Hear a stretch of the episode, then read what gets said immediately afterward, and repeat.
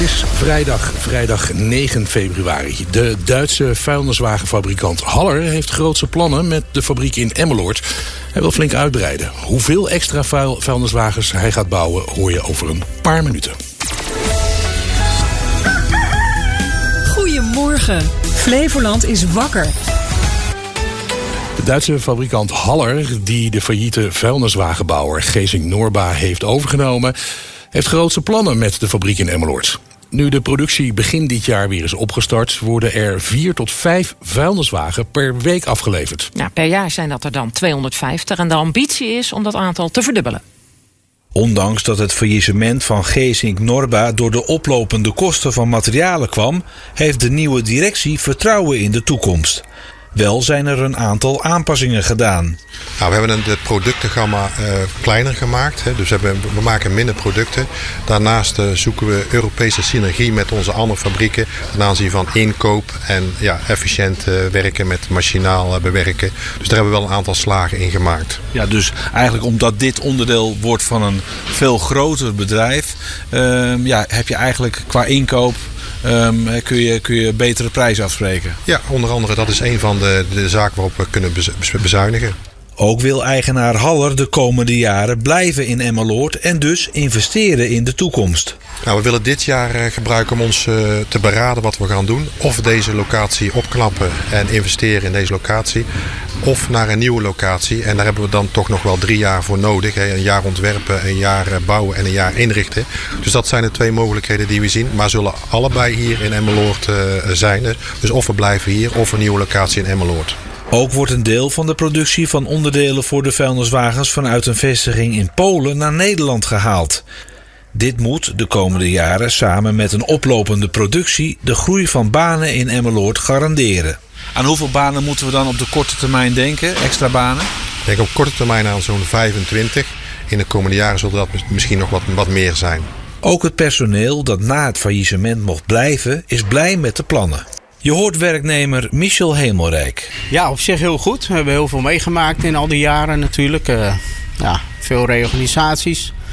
Uh, helaas faillissement, ja, die komt wel binnen op zo'n moment. Vooral uh, als je hier al 36 jaar werkt en ja, een heleboel collega's afscheid genomen. Maar ja, dat je weer een doorstart mag maken waar ik bij mag zijn, ja, dat is, is hartstikke mooi. En hoop je dan ook dat je weer veel oude collega's binnenkort op de werkvloer ziet? Ja, we hebben het er hier op de vloer wel over dat we sommigen echt heel graag weer terug willen zien. Maar ja, dat is natuurlijk niet aan ons. Maar ja, we hopen het wel uh, dat er in de toekomst weer uh, oude collega's terugkomen. Want we missen ze wel met z'n allen hier. We een reportage van Patrick van Hezik. In plaats van 200 flexwoningen wil de gemeente Lelystad permanente woningen bouwen op het sportveld naast het oude schoolgebouw van SGL. Die conclusie trekt wethouder Dennis Grimbergen na een onderzoek. Op het terrein kan ook een tijdelijk onderkomen worden neergezet voor basisschool De Boeier. Die school krijgt uiteindelijk een nieuw gebouw, maar moet tot die tijd wel wat anders hebben. We zijn eigenlijk tot de conclusie gekomen dat we bijna binnen dezelfde termijn, de, tijd, de bouwtijd en de voorbereidingstijd, daar ook permanente woningen kunnen bouwen. En toen hebben wij wel in overweging genomen samen met Centrada van ja, wat zijn dan de exploitatiekosten? Wat kost het om flexwoningen neer te zetten? Ook als je ze na 20 jaar weer weghaalt en eventueel weer verplaatst. En wat betekent het als je gelijk permanente nieuwbouw pleegt? Waardoor je toch een wat mooiere invulling aan je stad geeft, maar tegelijkertijd ook de inwoners ja, een wat mooier woonperspectief geeft. En eigenlijk hebben wij gezegd samen met Centrada, het zou toch wel van waarde zijn als we dan gelijk voor die permanente invulling gaan. Dus geen flexwoningen, maar permanente woningen. Gaat het nog steeds om hetzelfde aantal? De doelstelling blijft hier rond die 200. Uh, en dat zal, afhankelijk van het programma van Centrada, zal het misschien deels gestapeld zijn. Een stukje grondgebonden, hè, dat is even aan Centrada. Maar we hebben wel geconstateerd dat we liever dan, hè, wat ik al zei, gelijk voor die permanente woning gaan. Betekent dat ook dat flexwonen dat dat helemaal niet meer gaat voorkomen in Nederland? Ja, wat we gedaan hebben is, hè, Centrale heeft berekend wat kost het als je kiest voor flexwonen en wat kost het als je kiest voor permanent. Nou, daar zit dan te weinig verschil tussen om dat flexwonen interessant te maken. Uh, flexwonen is een mooie oplossing als je echt een tijdelijke oplossing nodig hebt. Maar wil je iets toevoegen aan je stad op de lange termijn en wil je mooi kunnen bouwen, want dat betekent heeft kwaliteit te maken hè, wat je bouwt, dan kiezen wij liever uh, voor permanent. Ik begrijp wel dat de raad nog even akkoord moet geven. Uh, zeker, het ligt nu natuurlijk bij de raad voor als voorstel. Uh, en we gaan de raad daarin meenemen in het proces. We gaan ook aan de raad uitleggen hoe we zo gekomen zijn. Dat staat ook in, de, in het voorstel. Um, en dan hopen we dat we heel snel uh, samen met Centrale de volgende stap kunnen maken. Wethouder Dennis Grimbergen was dat van de gemeente Lelystad. Wat was er gisteren op radio en televisie? We praten hierbij in Poorter. Aandacht voor het energielabel. Huizen met de laagste labels die worden als eerste beter geïsoleerd. Maar Poorter ontdekte dat ook huizen met een hoog energielabel slecht geïsoleerd kunnen zijn. Angelique Becker heeft een huurhuis en uh, in het hele huis tocht het. Toch is haar energielabel hoger dan dat ze zelf had verwacht toen heb ik uh, gezien dat er op een gegeven moment een label A aan de woning hing. En toen dacht ik, nou, dat is onmogelijk. Want uh, je kan natuurlijk niet met een dubbele beglazing uit 1981... met uh, houten vloeren, ja. kan je nooit niet, nooit niet een, een energielabel A halen. Ja, en ze had gelijk. Haar huis bleek na onderzoek van een expert energielabel D te hebben. Pointer ging daarom langs bij de woningcorporatie waar Angelique huurt. Ja, dat is voor ons op dit moment ook echt, echt een vraagteken. Er kan een, uh, kan een aantal zaken in de loop van de jaren zijn gebeurd. Er kan iets met isolatie zijn geweest die destijds wel aangebracht is... maar in de loop van de jaren minder is gaan werken. Of niet meer goed werkt. Het kan zelfs ook zo zijn dat... Uh, uh, dat er destijds in de labeltoekenning gewoon fouten zijn gemaakt. Dat weten we niet. Maar omdat bewoners er gewoon recht op hebben om te weten of het energielabel van hun woning wel of niet correct is, gaan we dit onderzoek nu uitvoeren. Ja, ik vind het wel heel bijzonder, hè? A of D. Ja, kan het gewoon een foutje zijn? Ja, dat zou kunnen. Dat is, uh... Hoogleraar staats- en bestuursrecht Wim Voermans vertelde in Nieuwsuur over de mogelijkheid van een extra parlementair kabinet nu NSC uit de formatieronde is gestapt. En heel veel mensen die spreken over een extra parlementair kabinet denken dan aan het kabinet Den Uil. Dat was geen extra parlementair kabinet in 1973. Maar ze bedoelen dan niet zo'n uh, kabinet wat een vastgetimmerd regeerakkoord heeft voor vier jaar met allemaal gedetailleerde afspraken en een hele grote coalitie, dwang op de fracties ook die tot de coalitie behoren, maar een regeerprogramma. Een heel open document van afspraken die meer doelen in beeld brengen. Nou, dat kabinet zat er vier jaar. Het ging pas fout toen de sfeer omsloeg. Een goede sfeer is dus heel belangrijk voor zo'n extra parlementair kabinet. Maar ja, daar schort het nu juist aan bij de vier formerende partijen, weet ook Voermans. Je moet echt werken aan goed onderling vertrouwen. Dan kan het werken. Nog een ander nadeel is, en dat, dat is misschien het goede... je moet alles uitdenken. Je moet heel lang en veel met elkaar praten als je een regeerprogramma hebt. Kabinetten Den L stonden daar ook onbekend. Dat is misschien juist wel het middel wat deze aanstaande combinatie uh, nodig heeft. Het redmiddel, dat ze heel veel met elkaar praten. Ja, in op 1 ging het over het ABN AMRO tennistoernooi... dat dit weekend weer start in Rotterdam. Toernooidirecteur Krajcek en tennisser Griekspoor die waren te gast. En Krajcek ging in op de kansen van Griekspoor. Ja, hij moet ook een beetje geluk hebben met, uh, met de loting. Maar uh, vorig jaar halve finale gehaald. Uh, twee toernooien gewonnen vorig jaar. In, in Rosmalen. Dat was natuurlijk niet de bedoeling. De bedoeling was het eerste toernooi in Nederland was Rotterdam. Maar nou ja, dat vergeef ik hem als hij nu dit jaar Rotterdam wint. Ja. ja. En mocht Griekspoor winnen, dan stijgt hij flink op de wereldranglijst. Zijn, uiteindelijk doel, zijn uiteindelijke doel is de top 10 te bereiken. Hij staat nu op plek nummer 30. En om dat laatste sprongetje te maken haalt hij alles uit de kast. Zoals een aanpassing van zijn dieet. Ik eet heel veel vlees, rood vlees. Eigenlijk elke dag. Um, vlees, groente, avocado, salm. Um, ik ben eigenlijk op die, uh, ja, op die trein gesprongen nu. En uh, ja, de, de koolhydraten volledig laten, koolhydraten volledig laten liggen. En uh, ja, kijken of, of dat gaat helpen. Nou, dat gaat wel helpen. Het klinkt ook lekker trouwens. De vleestrein. Ja, precies. Dat klinkt er wel heel smerig. Ja, oké, okay, dat, dat, dat begrijp ik. Maar voor de rest wat hij allemaal op, op, opnoemde. Oh. Lekker. Ja, het schijnt weer niet heel gezond te zijn, hè? iedere dag rood vlees. Maar ach, als je zoveel sport hebt, heeft je lijf het denk ik ook wel nodig, toch? Ik denk het wel, ja. Nou, dat was gisteren op radio en tv. Wanhoop, frustratie en onvrede was gisteravond duidelijk voelbaar... in een zaal van de Bidding in Biddinghuizen. Ja, raadsleden van de gemeente Dronten die wilden met inwoners in gesprek over de toekomst van het dorp. Maar die inwoners ja, die willen vooral dat bestaande plannen nou eindelijk eens een keer in uitvoering worden gebracht. U staat meneer uh, Ben Sint-Kort hier uh, aangesteld. U weet te weinig, neem ik u niet kwalijk. Maar wel degene die u stuurt. Er hadden hier mensen moeten staan die wat kunnen vertellen.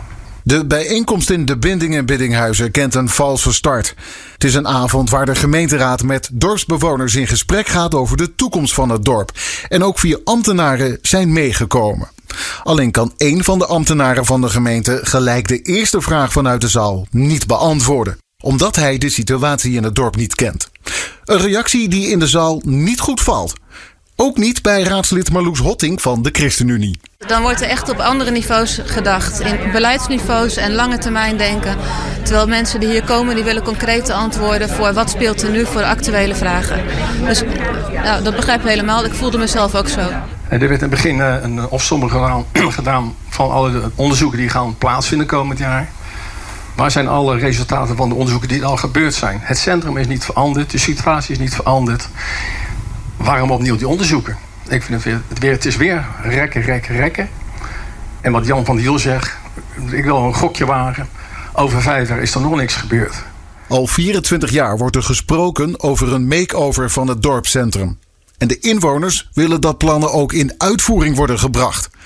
Raadslid Ton van Amerongen van de VVD zegt een vinger aan de pols te gaan houden bij het college. Door in ieder geval uh, ze te bevragen op uh, hoe zij de samenleving hierbij gaan betrekken.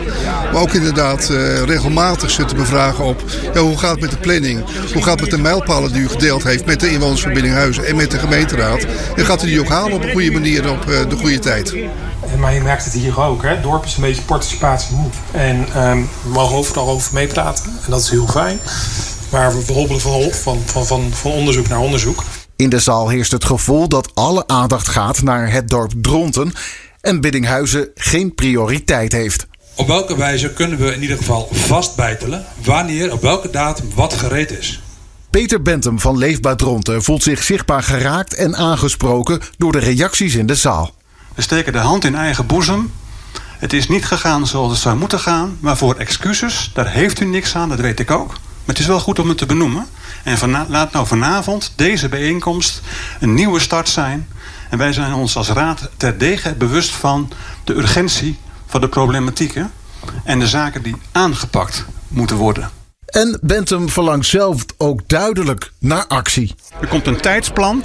De ambtelijke organisatie heeft een planning. Nou, wij als raad moeten dat in samenwerking met het college goedkeuren. Nou, daar, daar zitten we zelf bij. En het gaat om een stukje realiteitszin. Het gaat om tijdslijnen halen. Maar die tijdslijnen moeten ook realistisch zijn. en ik snap ook dat, dat, dat de nood hoog is. Er is ongeduld.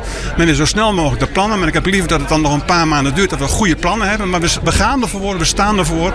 En het kan niet zo zijn dat het nog eens een keer 20 jaar duurt. Dus daar wil ik me echt sterk voor maken. U gaat die druk uh, uitoefenen? Ja, absoluut, want ik zit hier met plaatsvervangende schaamte. Ik steek ook de hand in eigen boezem. Los van het feit dat ik niet 20 jaar lid, uh, raadslid ben, maar twee jaar. Maar ik wil er echt voor gaan, want dit kan niet meer. Opvallend detail. Na afloop van de bijeenkomst zijn acht van de tien raadsleden binnen vijf minuten vertrokken en blijven de inwoners van Biddinghuizen achter. Zij praten daardoor vooral met elkaar over hun wensen en hun plannen voor de toekomst van het dorp.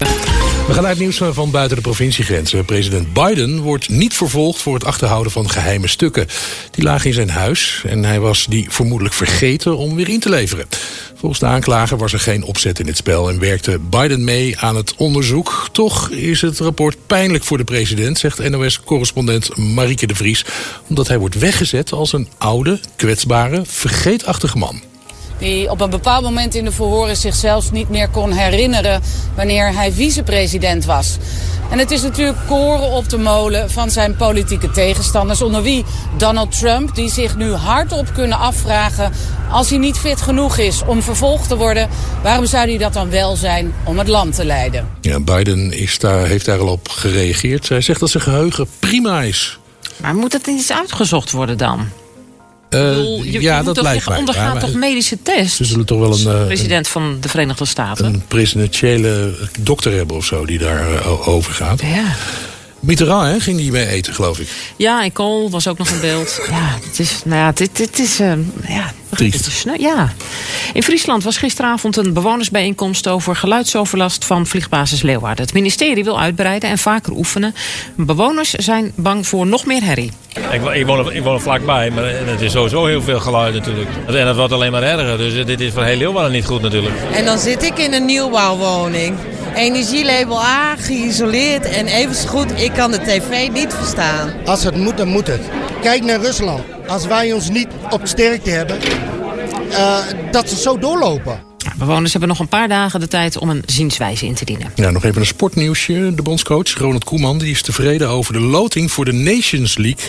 Die die gisteren bijwoonde in eh, Parijs. Een goede loting. Het had slechter gekund, zal dus de bondscoach. Het uh, Nederlands elftal had zwaarder kunnen loten. De pool bestaat uit Italië, België, Frankrijk en Israël. Ja, dat is pool B. Ja, oh nee, hij is- Nee, oh. daar zitten zij niet in. Zij Oh nee, ze zitten juist in die andere, in de in andere D, pool. toch? Ja, eh, Roemenië geloof ik. Duitsland, Hongarije. Ja. Ja, Dus, en- hij bedoelt met, als je, je had ook eens met ja, Italië... ja dat is Fra- een ja. zwaardere pool kunnen Ja, kunnen precies. treffen. Maar eh, nou ja, Duitsland, dat, dat, dat, nou ja, die kunnen we wel hebben. ja, als je wil winnen moet je tegen alle ploegen kunnen, toch? Precies. Goed, dat waren ze wat zaken uit binnen- en buitenland.